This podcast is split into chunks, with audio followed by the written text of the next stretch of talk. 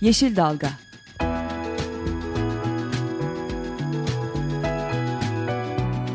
Çevre mücadeleleri üzerine.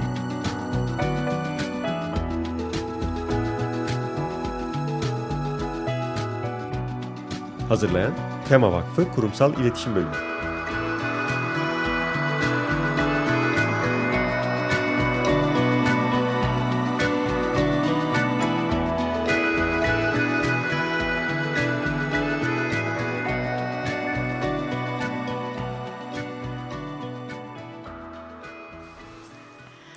Merhaba, yeni bir Yeşil Dalga programında daha beraberiz. Programı hazırlayan ve sunan ekipten ben Özgül Erdemli Mutlu. Ben Esra Yazıcı Gökmen.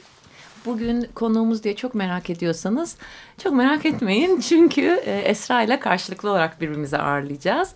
E, Tema Vakfı olarak aslında Ocak ayında ilk olarak hazırladığımız ve e, temsilcilerimizle sahamızla paylaştığımız bir yerel yönetimlere çağrı metnimiz var belediye yerel seçimler yaklaştığı için belediye başkan adaylarına ve yönetimlere bir çağrı niteliğinde e, hazırladık. Metni e, hazırlayan ekip zaten Açık Radyo'da Yeşil Dalga'yı da e, sunan ekip Esra, Gökşen ve ben e, çalıştık. Nuran hocamızın İstanbul Teknik Üniversitesi'nden yönetim kurulu üyemiz aynı zamanda bilim kurulu üyemiz Sayın Profesör Doktor Nuran Zeren Gülersoy'un e, yönetiminde bu metni hazırladık ve paylaştık. Ama seçimler yaklaştığı için bir basın bülteni e, yayınladık hafta başında.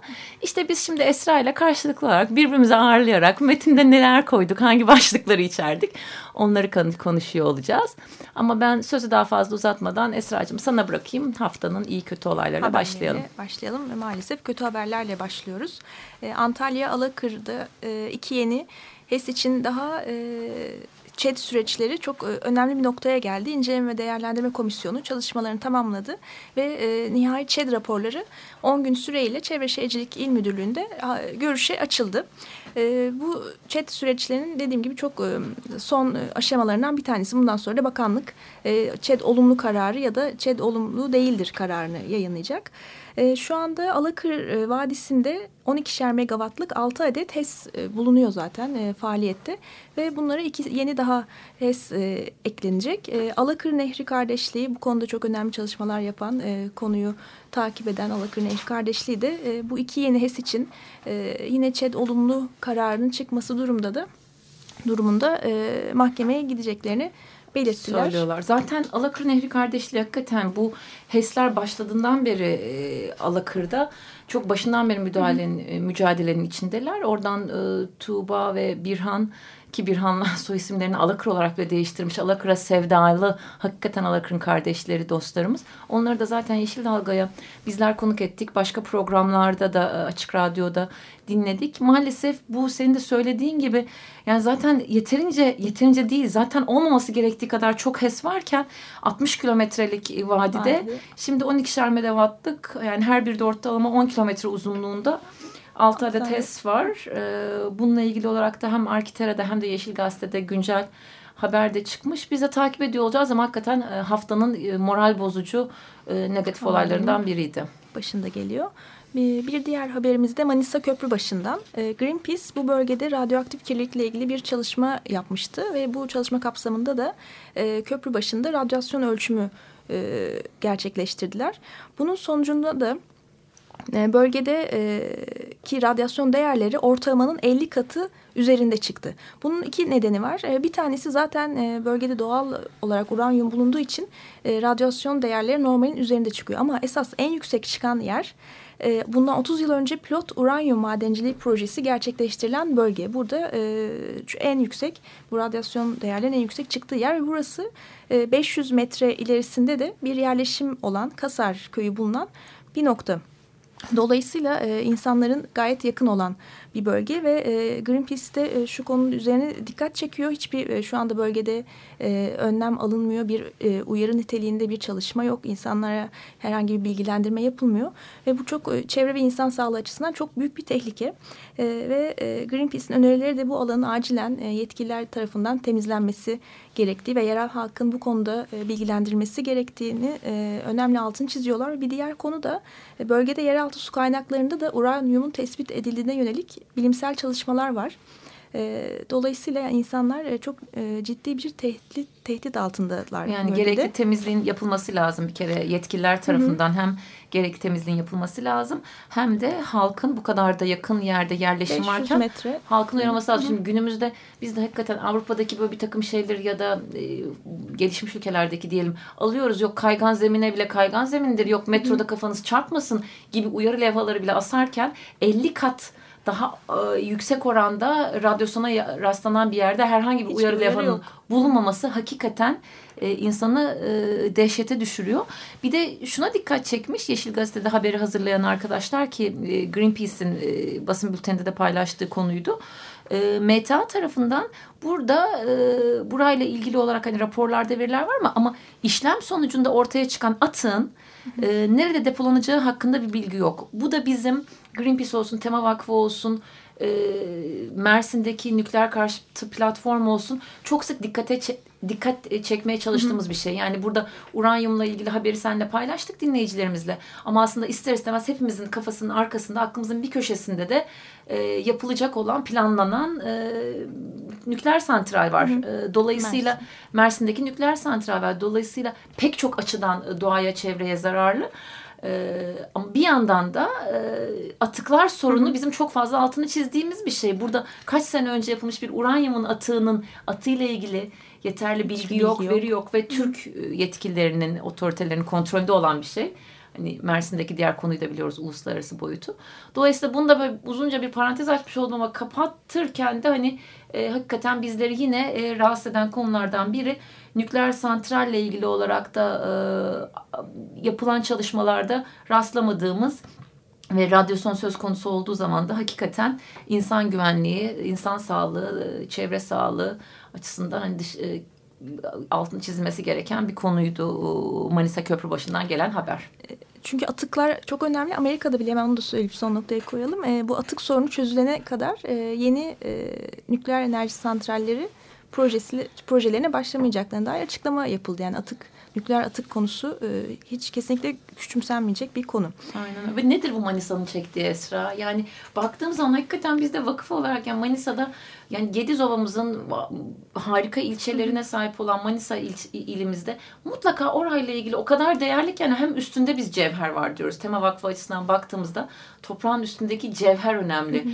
Ee, ürünler, tarımsal mahsuller önemli. Ama bir şekilde de bu toprağın altındaki uranyumdur, nikeldir, Nikel. başka şeydir. Hakikaten yani Manisa'nın Manisalılarının peşini bırakmıyor. Bizler de ama her anlamda her her sorunla ilgili olarak aynı ölçüde müdahale olamasak da yakın takip ediyoruz diyelim.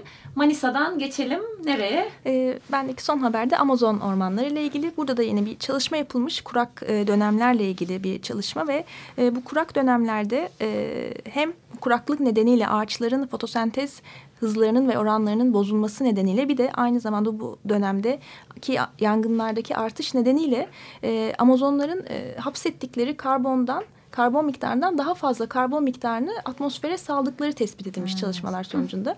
E, bu da yani e, aslında bu insan faaliyetleri nedeniyle e, Amazon ormanlarını bile iklim değişikliğine e, hızlandıran bir hale çevirmiş olduğumuzu görüyoruz. Aynen öyle.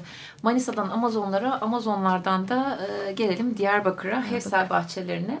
Aslında biz bu hafta e, hangi konuyu işleyelim de değerlendirirken Esra Gökşen ben kendi aramızdaki toplantıda e, çok güncel ve gündemde olduğu için Hevsel bahçelerini konu edelim dedik ama e, Açık Radyo'da programcı olmamızın da etkisiyle program bu konu konuk daha önce yapılmış mı diye baktığımızda hakikaten kapsamlı olarak sanırım salı günüydü. ve ertesinde de diğer programlarda bahsi geçti. Hı hı e, açık gazetede dahil olmak üzere. E, dolayısıyla buraya çok detaylı girmeyeceğiz ama yine de olumlu olumsuz haberler dediğimizde mutlaka o konuya e, değinerek en e, son olumlu habere geçmeden önce ondan da kısaca bahsedelim. Takip ediyoruz en azından. E, neler olduğunu anlamak aslında basına yansıdığı kadarıyla takip ettiğimizde oradaki kişilerle konuştuğumuzda insan çok anlam veremiyor. En azından açıklamalara baktığımız tarafta. Bir taraftan valilik e, kesimlerle ilgili bir ilgileri olmadığını e, söylüyorlar. Diğer taraf yani üniversitenin kendi iç çalışması olduğu iletiliyor. Ama diğer taraftan Dicle Üniversitesi'nin açıklamasına baktığımızda bu kesilen 10 bin ağacın e, Diyarbakır Orman Müdürlüğü tarafından onların raporları doğrultusunda e, ve yangın tehlikesi ve halk sağlığına zarar verdiği gerekçesiyle kesildiği söyleniyor. Tabii, anlam veremiyor. Evet yani kim başlattı, Hı -hı. kim istedi, kimin başlattı, kimin istediği belli değilse de neden kesildi Hı -hı. bu Hefsel bahçeleri ki hani e, hakikaten bölgede sadece Diyarbakır açısından değil hani bölge açısından da kültürel Hı -hı. anlamda da e, önemi olan doğa anlamında da oranın e, nefesi olan önemli bir yer. Biz de maalesef e, endişe ederek izliyor olacağız. Ve de UNESCO e, Dünya Mirası listesine de aday gösterilmiş bir alan. Dolayısıyla yani e, bölgesel, ulusal değil aslında uluslararası ölçekte e, önemi olan bir yer. Diyoruz ben olumlu haberden şöyle güzel keyifle bir geçişte bu Hevsel Bahçeleri ve diğer konulardaki sıkıntılı haberlerin arkasına olumlu bir haberle dinleyicilerimize e, şey yapalım istedik e, konuya geçelim istedik. Burada da olumlu haberimiz derken aslında yerel yönetimlere e, çağrıdan bahsetmek istiyoruz. Çünkü baktığımız zaman e, burada e, seçimler yaklaşırken hakikaten e, güzel anlamda çalışan belediyeler var. E, her ne kadar azınlıkta olsalar da ve biz de tam anlamıyla doğa koruma perspektifinden ve senin alanında olan şehir bölge plancılığının iyi anlamda uygulaması örnekleri az da olsa yine de e, bunların ümit verici olduğunu düşünüyoruz. Bunların daha fazla katlanarak artmasını diliyoruz. Bu anlamda ben belediye belediye vermeyeceğim şimdi seçimler yaklaştığı için yasaklara takılmayalım. Ama incelediğimizde çalışmamızı yaparken e, sınırlı sayıda da olsa güzel örnekler olduğunu gördük. E, bu açıdan umutlandık. Ama yapılacak çok fazla şey var. Biz de Tema Vakfı olarak değerli toplu konuya yaklaşalım dedik ve e, ekolojik okuryazar belediye başkanları aranıyor e, başlığıyla yerel yönetimlere bir çağrı yaptık. İstersen şimdi ben seni konuk ediyormuşum gibi e, raporun ve çağrının hazırlanmasına en büyük emeği geçen kişi olarak senden kısaca alayım. E, hem de uzmanlık alanınla da bağlantılı olduğundan. Kaç maddede e, Tema Vakfı bunu ön plana çıkarıyor ve neden bunları seçti? E, Tema Vakfı olarak yerel yönetim çalışmasına başlarken yine tabii kendimizi diğer çalışmalarımızda da olduğu gibi doğal varlıklar ve sürdürülebilir yaşam açısından sınırladık. Yerel yönetim deyince birçok konu kapsıyor tabii ki de ama biz bu e, kendimizi sınırladık ve 10 maddede bir e, talep listesi hazırladık. Dikkat çektiğimiz konuları 10 madde, 10 başlık altında grupladık ve bunların ilki tabii ki de Tema Vakfı olarak toprak ve gıda güvenliğimize dikkat çekmek açısından tarım arazilerin korunması olarak e, tarım arazileriyle ilgili başladık. Ardından e, doğal kimliklerin korunması, kentlerin, yeşil alanların kentlerdeki korunması, atık yönetim ve çevrenin korunması, iklim değişikliğine uyum sağlanması, sürdürülebilir ulaşım, altyapının geliştirilmesi, kentlerin sağlıklı gelişmesi, paydaşların karar, karar süreçlerine aktif katılım sağlanması ve kırsal kalkınmanın desteklenmesi olarak e, belirledik e, yani önem verdiğimiz konuları. koyduk ama aslında baktığımızda bu 10 maddeyi yerine getiren belediye başkanı, belediye ya da getirme niyetinde olan belediye başkan adayını aslında biz ekolojik okuryazar belediye başkanı diyoruz. Ee, onun için de Tema Vakfı olarak ülke çapında ekolojik okuryazar belediye başkan adayları arıyoruz değil mi? Evet. Özünde. Evet yani bu konulara e, önem veren ve bu konuda çalışmalar yapan e, belediye başkanları evet, bizim gözümüzde ekolojik okuryazar belediye başkanları e, olacaklar. Peki o zaman e, demin senin de açılışta söylediğin gibi Tema Vakfı olarak birincil konularımızdan biri olması sebebiyle tarım arazilerinin korunmasını ilk maddeye koyduk dedin. Hakikaten sırf tema tema olduğu için değil ama yaklaşan e, gıda krizi, yaşamsal anlamda hı hı. sürdürülebilir yaşamın en önemli gerekliliklerinden olmasından da ötürü önemli. E, tarım arazilerinin korunması başlığı altında, o maddenin altında nelere dikkat çekmeye çalıştık? Çalıştı. Fiil değişik oluyor bazen biz bazen üçüncü tekli şahısta soruyorum kusura bakmayın hı. dinleyicilerimiz. Onunla başlayalım Esra'cığım. Tamam. Şimdi öncelikle şunun e, altını çizmekte fayda var. Türkiye genelinde tarım arazileri e, dediğimiz verimli, özellikle bitkisel üretime elverişli verimli topraklar aslında e, çok kısıtlı. Hani e, sandığımız kadar e, geniş alanlarda e, topraklara sahip değiliz. Hani birkaç e, çok uzatmadan örnek verecek olursam e, bir kere eğim e, üç, Türkiye ülke genelinde arazinin üçte ikisinin eğimi yüzde on beşten fazla. Bu eğim arttıkça e, üretim açısından e, kısıt oluşturuyor. E, bunun dışında derinlik e, yani toprak derinliğinin e, sığ olması, taşlılık ve benzeri sorunlar var. Dolayısıyla mevcutta zaten e, toprağımız kısıtlı. Bir de bununla beraber e, biz de e, hızla bu tarım arazilerini yapılaşmaya açtığımız takdirde zaten az olan topraklarımız e, daha da azalıyor. Şimdi bir önemli nokta da Bu yeni Büyükşehir Belediyesi yasası hı hı. E, yerel yönetim bildiğimiz üzere yerel seçimlerden sonra e, 14 e, ilde Büyükşehir Belediyesi kurulacak ve bu illerdeki köyler ve belde belediyeleri mahalleye dönüşecek. Bunun da şöyle bir e, olumsuz etkisi e, olabilir. E, buradaki bu köyler ve beldelerdeki kırsal alanlar hızla e, alanlarda kentleşmenin önü açılmış olacak. Yani Bunlar mahalleye dönüştüğü takdirde. Kırsal özellikleri, kültürel kimliklerinde de aslında. Tabii ki de aslında hem e, yapılaşma yanında o da var. Oradaki zarar. o e, kırsal üretim e, biçimleri, kültürleri de aynı zamanda yok olacak. Dolayısıyla hem e, tarım arazileri açısından hem de e, kültürel değerler açısından e, bir kayıp e, söz konusu olabilir. Bu konuda da belediye başkanlarından e, adaylarından e, şunu talep ediyoruz. E, belediyelerde gelişme alanları açılırken özellikle e, tarım sal üretime elverişli arazilerin e, esas alınarak onların e, korumaya ayrılması ilginç bir şekilde o bölgelerde yeni imar planlarının e, yapılmaması gerektiğini altını çiziyoruz. Tabii burada aslında sen bizim çalışma alanımızla toprak koruma kurullarında da çok sık gördüğümüz sen toprak koruma kurullarının tema vakfındaki e, sekreteryasını da yürütüyorsun bir yandan. Hani tarım dışı e, amaç dışı kullanıma açılması hı hı. ile ilgili. Çok kısa bir parantez açar mısın? Yani bir kısmı belediyelerle ilgili ama hı hı. E, bir kısmı da aslında hı hı. daha merkezi otoriteyle ilgili. Evet Türkiye genelinde 50 küsur ilde temsil ediliyor Tema Vakfı toprak koruma kurullarında ve buradaki taleplere baktığımızda tabii ki başka e, merkezi yönetiminde talepleri oluyor ama belediyelerden de onlarla karşılaşıyoruz. E, gelişme alanları için ilave imar planı talepleri. E, örneğin işte bakıyoruz talep edilen bölge mutlak tarım arazisi ama burada bir e, yeni gelişme alanı yaratılmak isteniyor. E, ve burada da hep söylediğimiz hani gelişme alanları için e, genelde alternatif alan yani sanayi alanı için, turizm, ticaret bu tip alanlar için alternatif alan e, bulunabilir. Ama bu toprakların, verimli toprakların e, bir alternatifi yok. E, zaten oluşmaları çok uzun süren ve karmaşık süreçler sonucunda e, oluşan varlıklarımız. Dolayısıyla bu bakış açısıyla belediyelerde de yerel yönetimlerin yapılması gerekmektedir. Anlıyorum. Ee, onun için ondan sonra bakıyorum bu arada bir yandan da gözüm saate kayıyor. Ee, şöyle yapalım istersen. 10 maddeyi derinlemesine incelemeyelim. Ee, detayları hemen programın sonuna değil hızlı hızlı söylemeyeyim. Şimdi arada bir reklamın da geçmiş olayım. Bugünlük dinleyicilerimizden e, sabır dileyelim. Müzik yani şarkı çalmayalım. Şarkı aramız olmasın. Ben şarkı söyleyeyim. şöyle seçim jingle'larından hakikaten mahvolmuşken ben size şöyle bir tane seçim jingle. Hayır söylemeyeceğim korkmayın.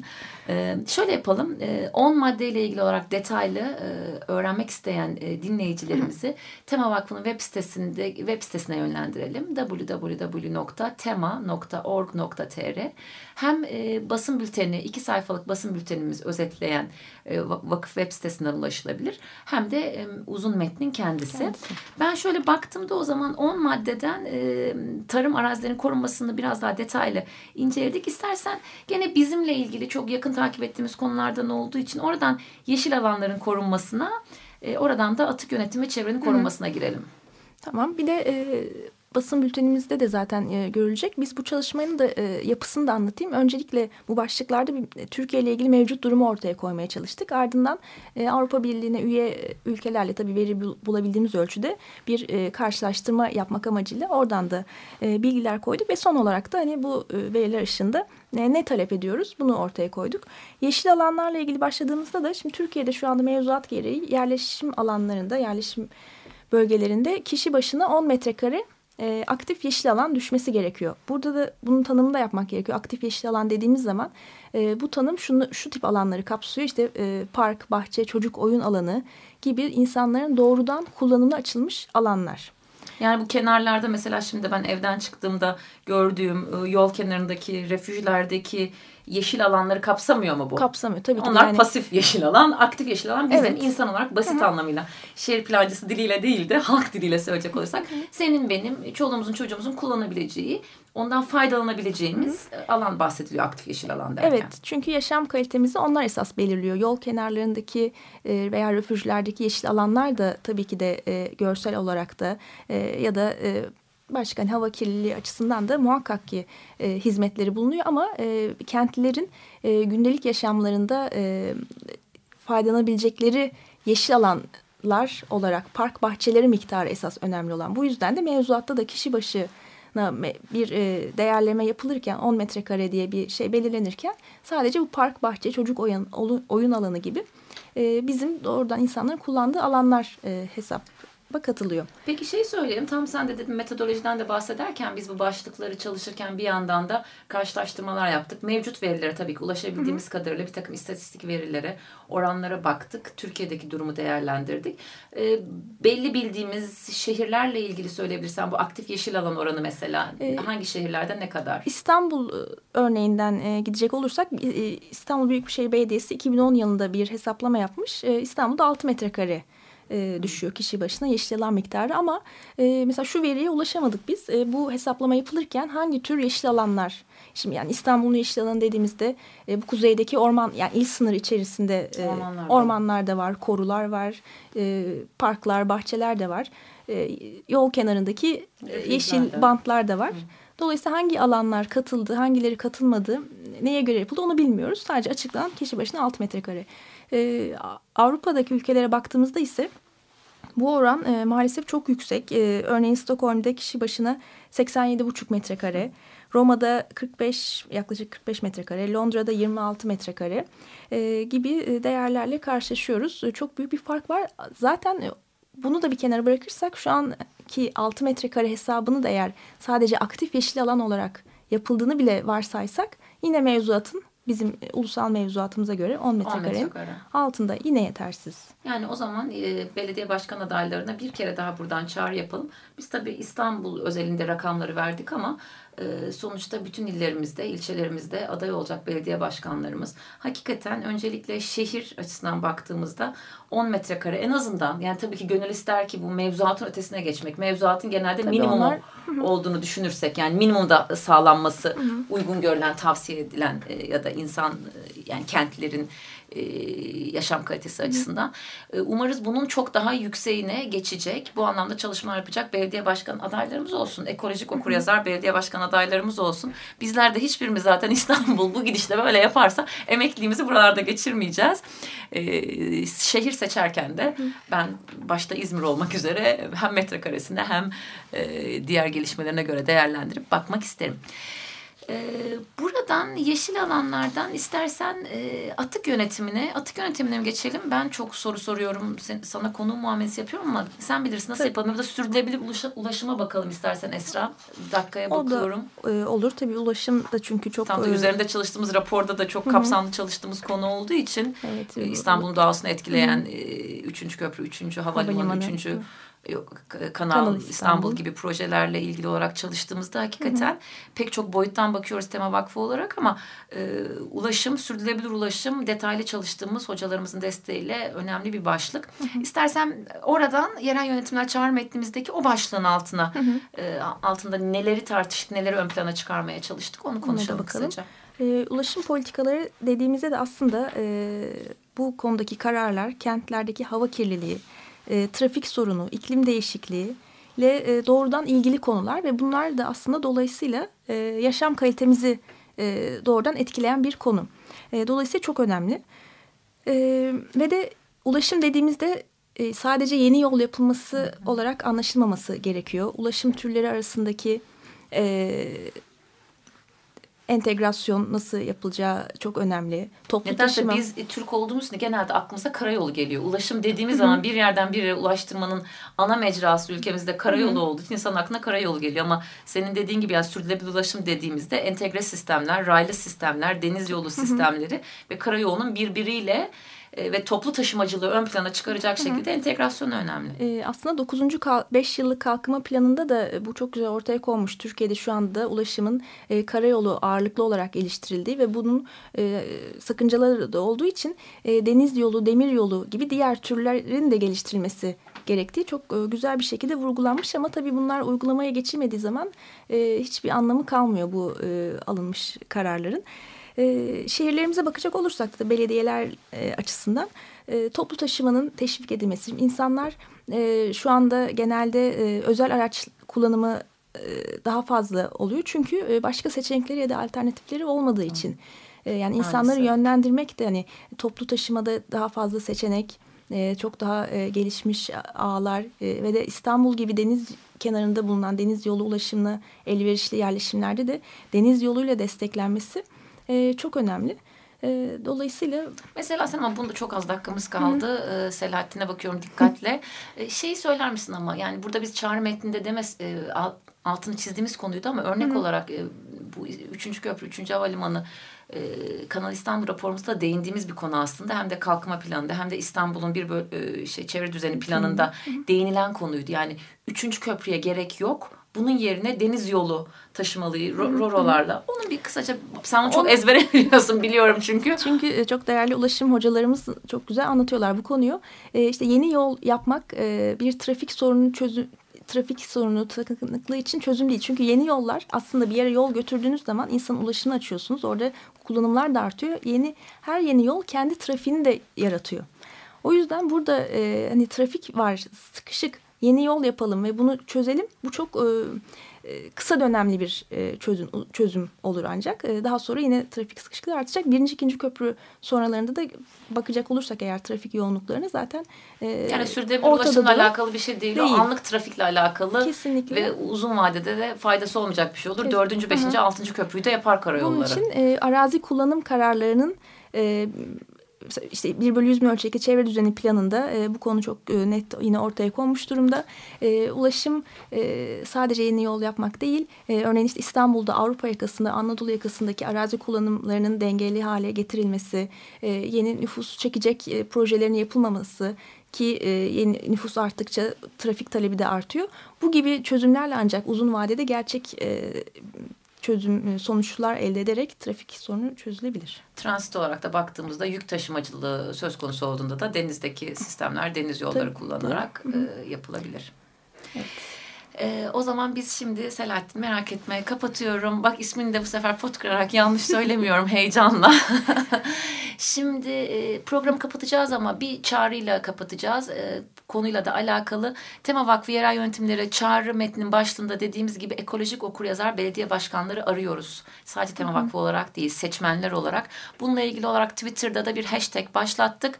E, hashtag ekolojik başkan aranıyor. Oradan da yorumlarınızı, desteklerinizi bekliyoruz. Gelecek hafta görüşmek üzere. Hoşçakalın. Hoşçakalın. Yeşil Dalga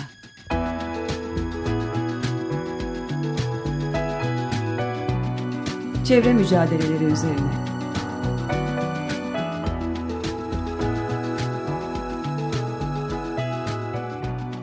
Hazırlayan Tema Vakfı Kurumsal İletişim Bölümü.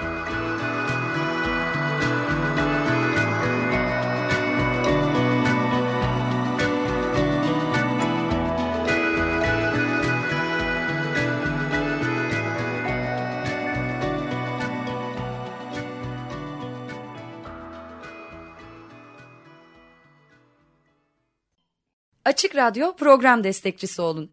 Bir veya daha fazla programa destek olmak için 212 alan koduyla 343 41 41